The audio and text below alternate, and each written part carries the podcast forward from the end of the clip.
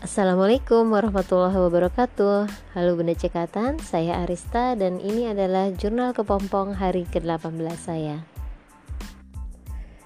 Alhamdulillah hari ini saya berhasil menambah materi baru dari materi teori yang ada.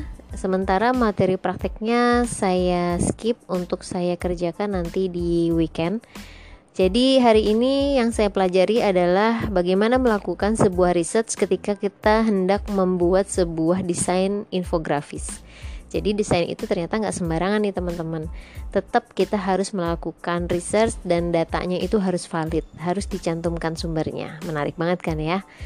Oke, nilai hari ini bagi saya cukup very good. Sampai ketemu besok lagi insya Allah. Assalamualaikum warahmatullahi wabarakatuh. Bye bye.